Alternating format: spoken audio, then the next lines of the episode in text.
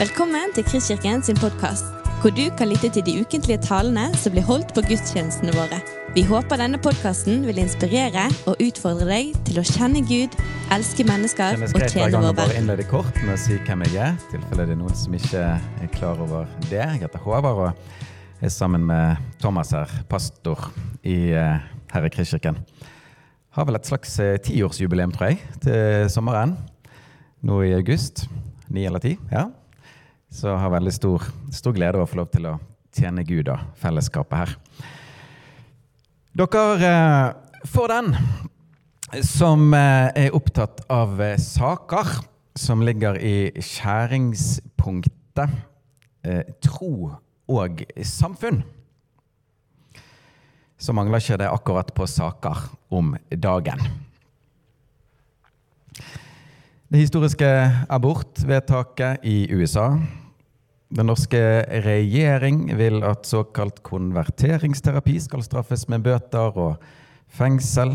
Pride i alle kanaler, i år preget av en fryktelig skyteepisode i Oslo. Descend i går, som vi fikk høre om tidligere her, nærmere 10 000 kristne samlet i tilbedelse og med misjonsfokus. Ikke vært flere samlet på et kristent arrangement i Norge på flere tiår. Flere ting kunne vært nevnt. Det er mye som står på. Disse tingene engasjerer. Alle tingene har både i huga tilhengere og sine motstandere. Og Blant kristne så er vi ulike meninger om eh, alle disse eh, sakene. Det debatteres med capslock-tasten eh, nede noen steder. Og det kjennes nesten litt krevende i akkurat en tid som denne, å ikke si noe som helst om noen av disse tingene når jeg nå får lov til å dele. Men så spørs det om ikke nettopp dagens tekst fra andre Timoteus brev er en av de aller beste kommentarene troens folk kan få nettopp i en tid som denne. For som vi har vært inne på flere ganger i denne vår gjennomgang av andre Timoteus brev, så er altså Timoteus i byen Efesus etter at hans mentor Paulus ba han bli der og navigere i det virvar som fantes i bymenigheten når det gjaldt kristen tro og lære. Paulus skulle gjerne vært eh, sammen med han, men han er fengslet i Rom. Viss på at dette er hans aller siste destinasjon. Og Brevet er dermed kjent som Paulus' aller siste brev, og omtales også som hans åndelige testamente, som her overbringes til Timoteus, hans nære og kjære sønn i troen. Og Timoteus' klare oppdrag tatt i betraktning, så er det én ting som, ikke overraskende, vies mer spalteplass i dette brevet enn noe annet, og det er forholdet til Guds ord og til læren.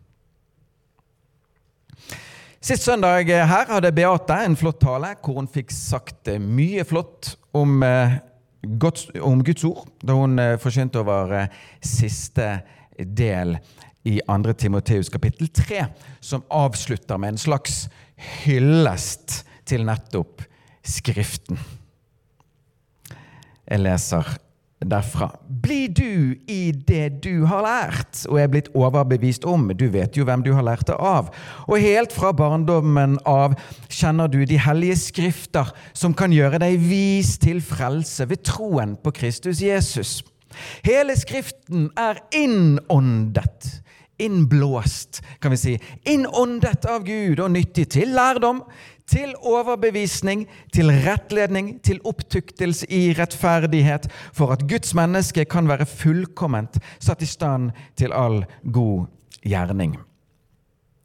Sitat er fra slutt. Men så er det jo dette, da, kjære venner, at Paulus han opererte jo ikke med kapittel og vers i sine brev til Timoteus.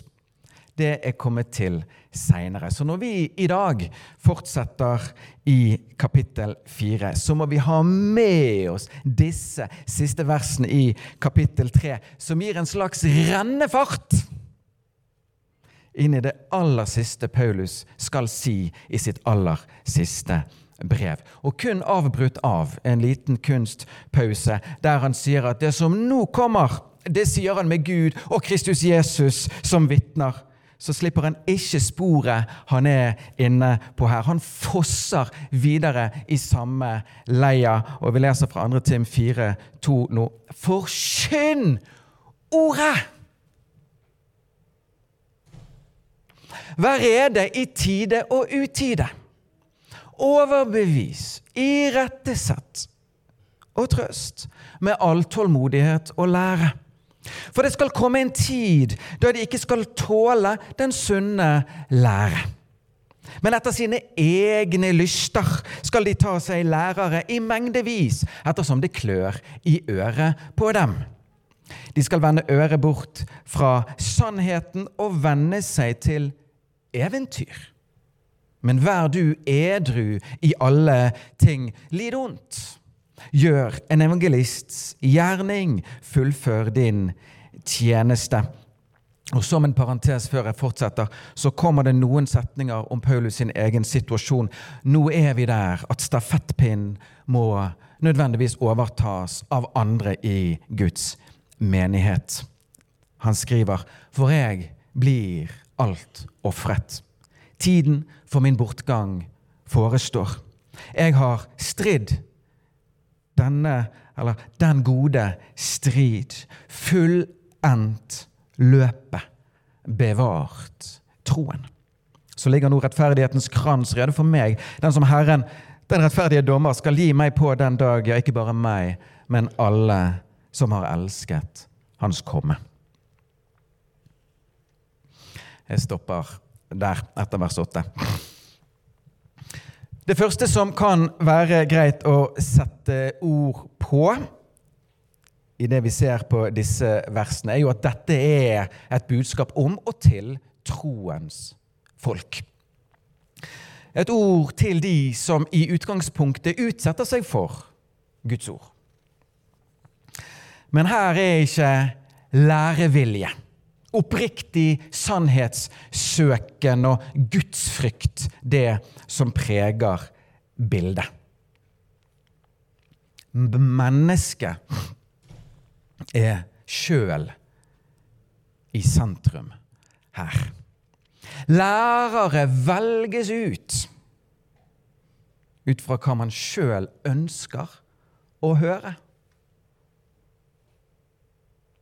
Den sunne lære omtales som utålelig li som om man gir allergiske reaksjoner. Vi klarer det bare ikke. Så går man heller til de lærere som skjeler med de oppfatninger og det livet man alt har. Det er det jo flere da som litt sånn halvvittig har eh, kommentert i møte med disse versene at det er jo ikke noe godt om noe klør i øret sitt, i ørene våre. Jeg mener, hvorfor oppsøker man personer som bringer ørekløe?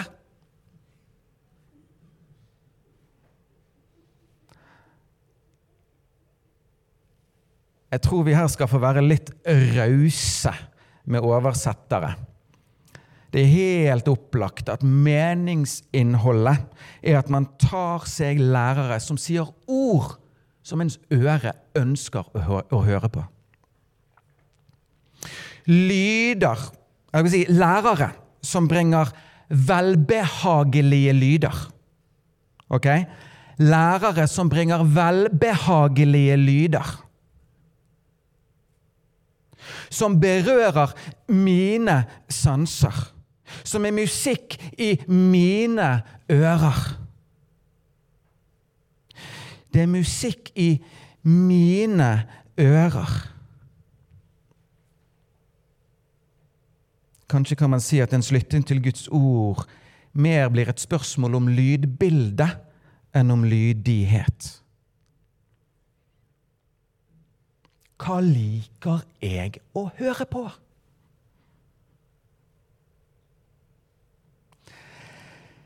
Øret vendes bort fra sannheten. Jeg vil ikke høre på det der. Og så venner man seg til eventyr, hvis fremste kjennetegn er at det som fortelles, ikke er sant.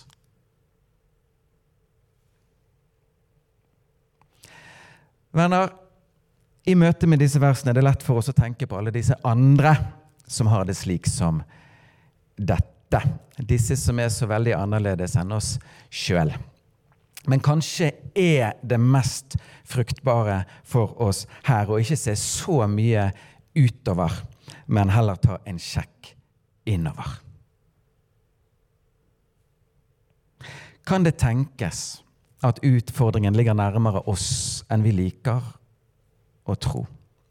Kanskje finnes det også her noen likheter mellom oss og israelsfolket, der de er på sin ferd ut av Egypt. De hadde sett Nilen bli til blod, Rødehavet delt i to. De hadde fått vann fra klippen, kjøtt fra himmelen. De så Sinai-fjellet i røyk, sverget overgivelse til Herren. Men så uteble de store opplevelsene en tid. Deres leder Moses var borte en stund, og de mistet Gud av syne. Og hva skjer? De går til fungerende leder Aron og gir han følgende utfordring Lag oss en gud. Aron gir etter for folkets press og sier Bring gullet deres hit til meg. Folket strømmer til med sine verdier. Folket strømmer til med sine verdier. Og Aron lager en gud basert på hva folket brakte med seg til ham. Gjenkjennelig pastor, ungdomsleder, prest, biskop. Jeg liker ikke dette med helvete og fortapelse. Det er så skremmende. Jeg er sikker på at det holder folk borte fra kirken. Det er mitt bidrag. Jeg liker ikke dette med at vi må tilgi. Det er urimelig. Du skulle bare visst hva som har skjedd. Det er mitt bidrag. Lag meg en sånn Gud. Jeg liker ikke denne vektingen med at fra skapelsen av Guds tanke at ekteskapet skal være heterofilt og livslangt. Vi følger jo bare ikke med i tiden her. Det er mitt bidrag. Jeg liker ikke dette med tungetale. Folk tror jo vi er gale. Lag meg en sånn Gud. Helst litt fort prest. For en sånn Gud kan vi jo alltids relatere til. Han kan til og med få lov til å stå i midten, han, og utgjøre et slags sentrum i gjengen vår. Og vi vil gjerne at han blir med på reisen vår. Med tiden vil jo de reisende merke at denne guden er velsignet taus. Han kommenterer jo ikke. Legger seg ikke borti noen ting. En slik Gud kan vi like. Problemet er bare det at denne guden er ikke velsignet taus. Han er skremmende taus, for han fins ikke. Han fins ikke. Han som er Gud, Bibels Gud, betrakter det hele et annet steds fra. Og han lar seg ikke forme. Hvordan er dette for deg og meg? Hvordan er dette i våre liv? Bringer vi enkelte ting med oss? For å tilpasse Gud litt, gjøre han hakket mer spiselig. Venner, dette er dype og dramatiske ting. Hører vi etter, så er alt snudd på hodet. Vi som er skapt i hans bilde, ender opp med et forsøk på å lage han i vårt bilde. Vi inviterer han som sier 'følg meg', til å følge etter oss. Kanskje er det her en god bønn for oss alle å be sammen med David. Ransak meg, Gud, og kjenn mitt hjerte. Prøv meg og kjenn mine mangfoldige tanker. Se om jeg er på fortapelsens vei, og led meg på evighetens vei.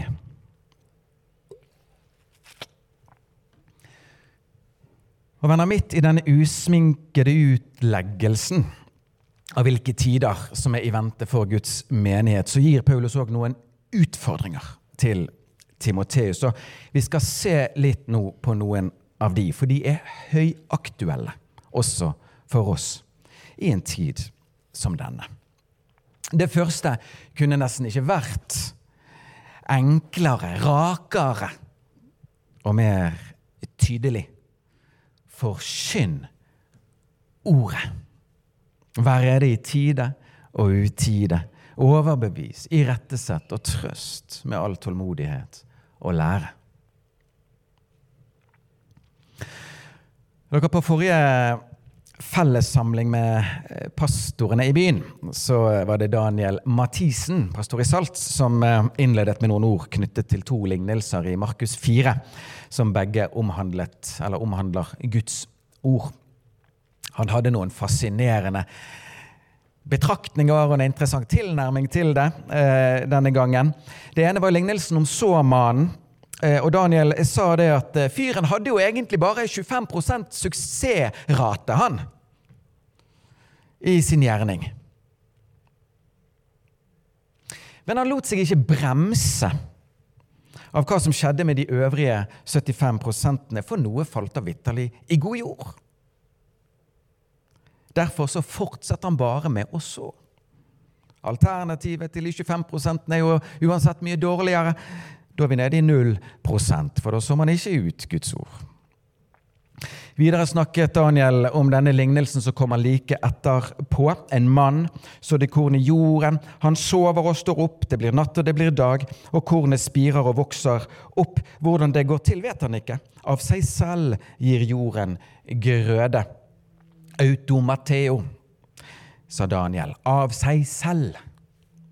Før han videre oppmuntret oss til å stå på i vår såmannsgjerning og hvile i Guds ansvar og del i dette bildet. Når natten kommer, sa Daniel, så kan vi gå og legge oss.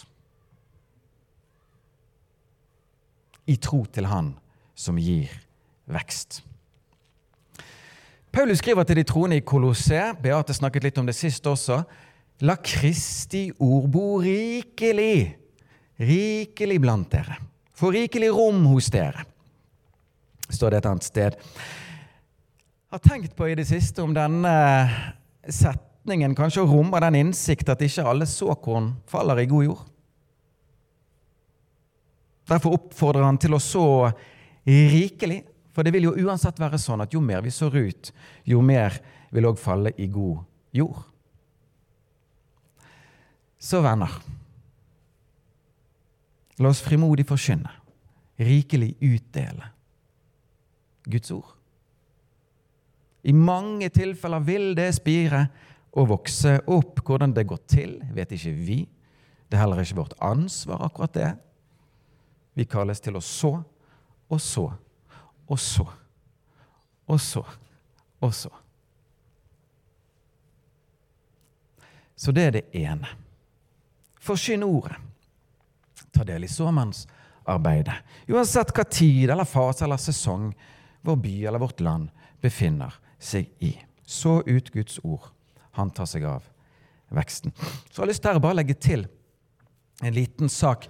Guds ord Jeg tror vi må eh, få tilnærme oss dette slik at det handler ikke bare om å innmemorere et bibelvers og dele akkurat det ut. Eller om akkurat det som skjer her nå, at man forkynner sammenhengen foran grupper. Det òg. Men såmannsarbeid kan ofte handle om, handle om sannheter som er forankret i Guds ord. Noen av dere har gjerne lest innledningen på siste ukes nyhetsbrev, der jeg skrev litt om akkurat dette. Jeg nevnte at hver dag før min syv år gamle datter går på skolen, så sier jeg én setning til henne igjen og igjen for at han skal feste seg skikkelig. Du er aldri aleine. Du er aldri alene. Hver dag. Det er blitt så mye hver dag at vi nå er kommet dit hen at jeg sier til henne Du vet hva pappa skal si til deg nå? Så sier hun det sjøl. Er det et bibelvers? Ja.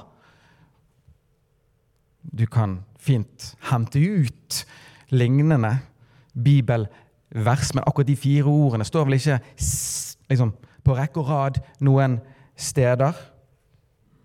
Men dette er Guds ord til hun. For det er Guds sannhet til hun, forankret i Guds ord. Og akkurat dette, kjære venner, gjør dette feltet til å være alt annet enn avansert. Det er overkommelig.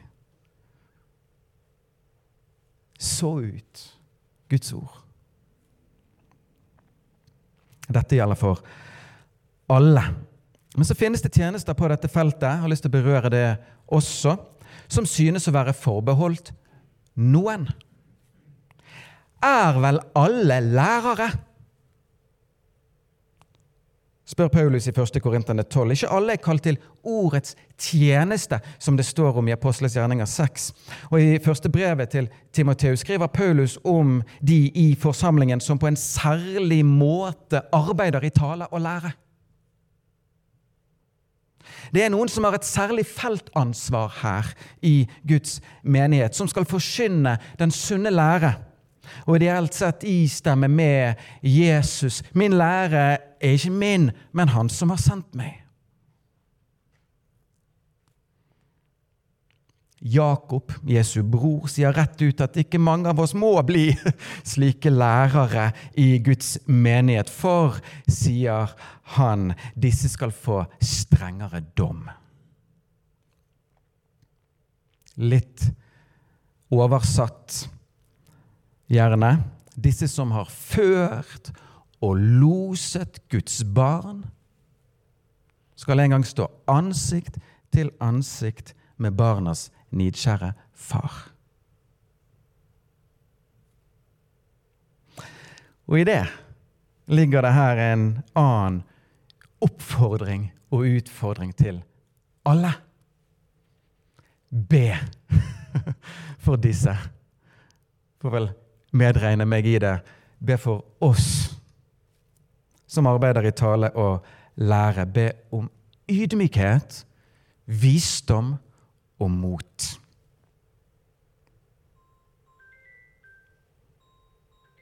Skriften skildrer utførlig og mange ganger det nære samspillet mellom bønnen og ordet.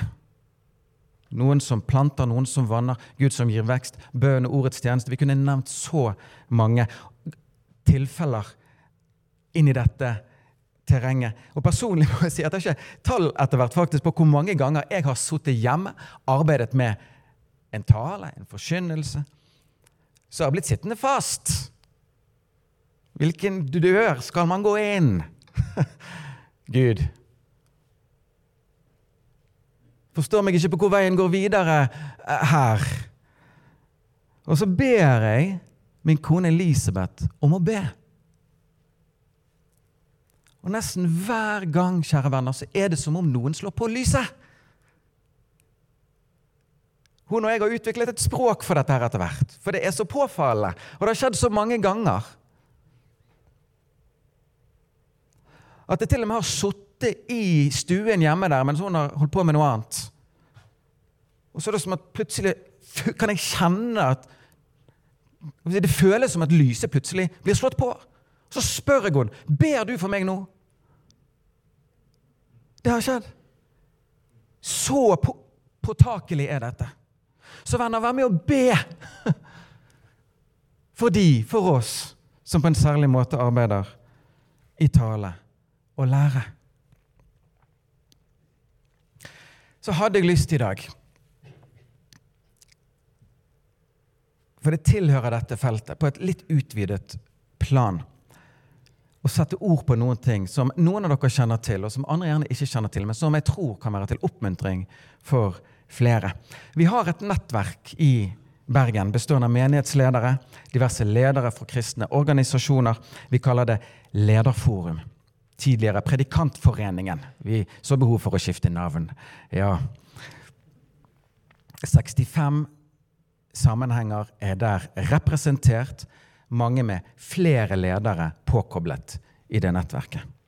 Og De siste årene så har det igjen og igjen kommet opp en samtale oss imellom. På hvilken plattform, på hvilken læreplattform er det vi kommer sammen?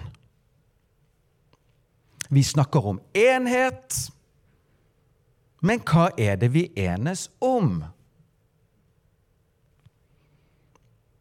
er dette aller mest et vidåpent relasjonsnettverk for diverse kristenledere i regionen, eller finnes det et uttalt fundament? Et eh, trygt og tydeliggjørende rammeverk? Et slikt lokalt, eller skal man si regionalt enhetsarbeid har vel gjerne noen geografiske grenser et sted. Finnes det noen teologiske grenser noen sted? Samtlige fikk i løpet av koronaperioden mulighet til å uttale seg om hvorvidt man så behov for dette, og hva som i så fall ville være de naturlige bestanddelene i et slikt felles læregrunnlag. Så var det stor enighet om behovet, og vi landet på følgende uttalelse. Lederforum i Bergen har de tre oldkirkelige bekjennelser og Lausanne-pakten som felles grunnlag, plattform og referanse. I spørsmål som mer spesifikt vedrører seksualitet og samliv, slutter vi oss til det som er nedfelt i ekteskapserklæringen, som i 2017 ble utarbeidet av 36 ulike kirkesamfunn, nettverk og organisasjoner i vår nasjon. Vi har sett en del gode frukter av dette. For det første trygger det oss på hverandre. Diverse elefanter har sett seg nødt til å forlate rommet. Det gjør òg til at det kjennes tryggere å arrangere ting sammen. For vi vet på hvilket læregrunnlag det vil skje. Videre trygger det oss når læreren angripes, enten innenfra i våre egne sammenhenger eller utenfra fra andre. For vi er et folk som står sammen i dette om dette. Vi står samlet og opererer ikke bare på egen hånd. Det siste jeg vil nevne, er at det gir en åpning for å holde hverandre ansvarlig på disse tingene. Er jeg vel min brors vokter? Ja, det er jeg. Så vi kan gå til hverandre. Så det er verdt å takke Gud for, mener jeg. Og jeg vil i dette også smette inn Vær gjerne med å be også for andre av byens ledere og lærere, og at dette gode utgangspunktet vi nå har, at det vernes, for det ligger i et minefelt. Så nummer én forkynn ordet i tide og utide. Ta del i såarbeidet. Jo flere såkorn, jo flere av de faller i god jord. Nummer to vær med å be for de som har ansvar for lære i menigheten, både her lokalt og også regionalt. Og til sist et ord til deg som lytter til Guds ord. I lignelsen om såmannen er det tydelig at det aldri er noe galt med frøene eller såkornene. Det er liv i hvert av de hver gang. Variabelen ligger i jordsmonnet. Så ta vare, kjære venn, på ditt jordsmonn. Gi akt på ditt jords monn. I det ene tilfellet hvor det slo litt rot, var det for grunn jord. Det slo ikke skikkelig rot, gikk ikke tilstrekkelig dypt. Og mon tro, venner, om noe av dette handler om at man lytter, men ikke har et bøyd forhold til Guds ord, slik at man også lyder. Som det står i Hebreerne 4,2.: Ordet de hørte, ble til ingen nytte for dem, fordi det ikke ved troen var smeltet sammen med dem som hørte det. I det andre tilfellet så var jorden god og fin, men det var òg mye annet der. Og her strammer det virkelig til oss et budskap for en tid som denne. Og dere, når Daniel og de tre jødiske vennene hans, pluss flere, men når de ble bortført til en kultur som var totalt fremmed for dem, og så, hør Ble gitt tilgang på alle mulige goder som den verden hadde å by på, så tok de noen valg. De tok noen valg som gjorde at de utmerket seg positivt også i denne gudløse verdenen. De tok noen valg som gjorde de sterke, robuste, vitale. Og hva valg var det de tok? De var svært nøye på hva de ikke spiste. De var svært nøye på hva de ikke fylte seg med.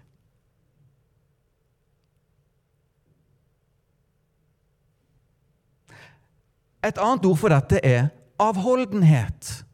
Eller å avstå fra. Noen vil kanskje si faste fra.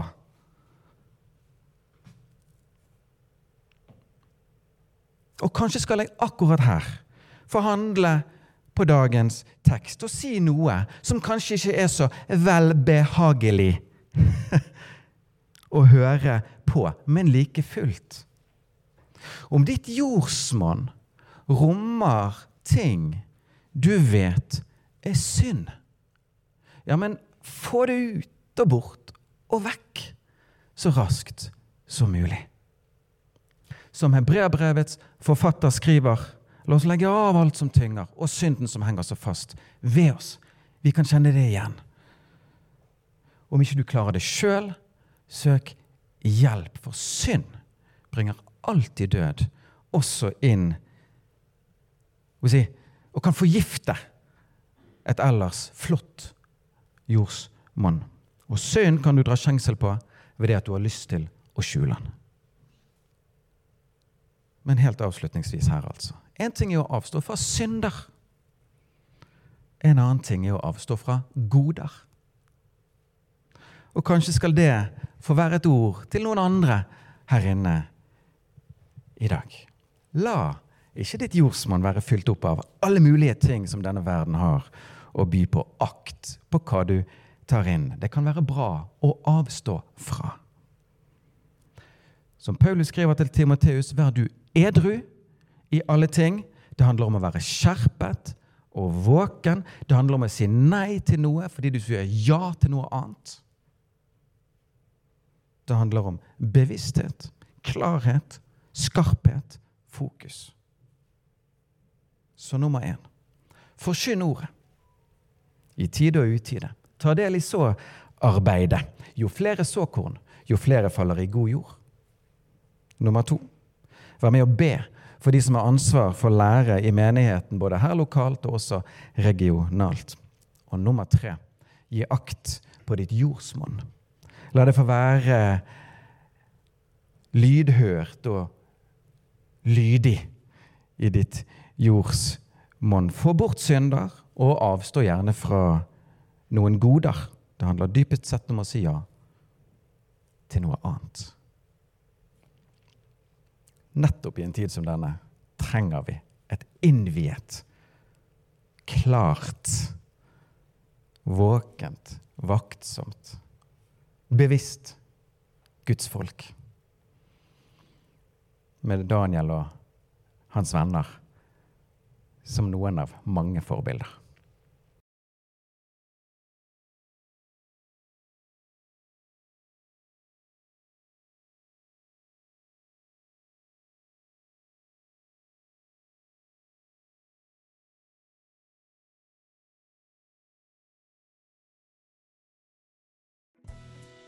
Du har lyttet til en podkast fra Kristkirken i Bergen. Vi håper du har blitt inspirert og utfordret i din vandring med Gud. Vil du vite mer om oss, så klikk deg inn på kristkirken.no.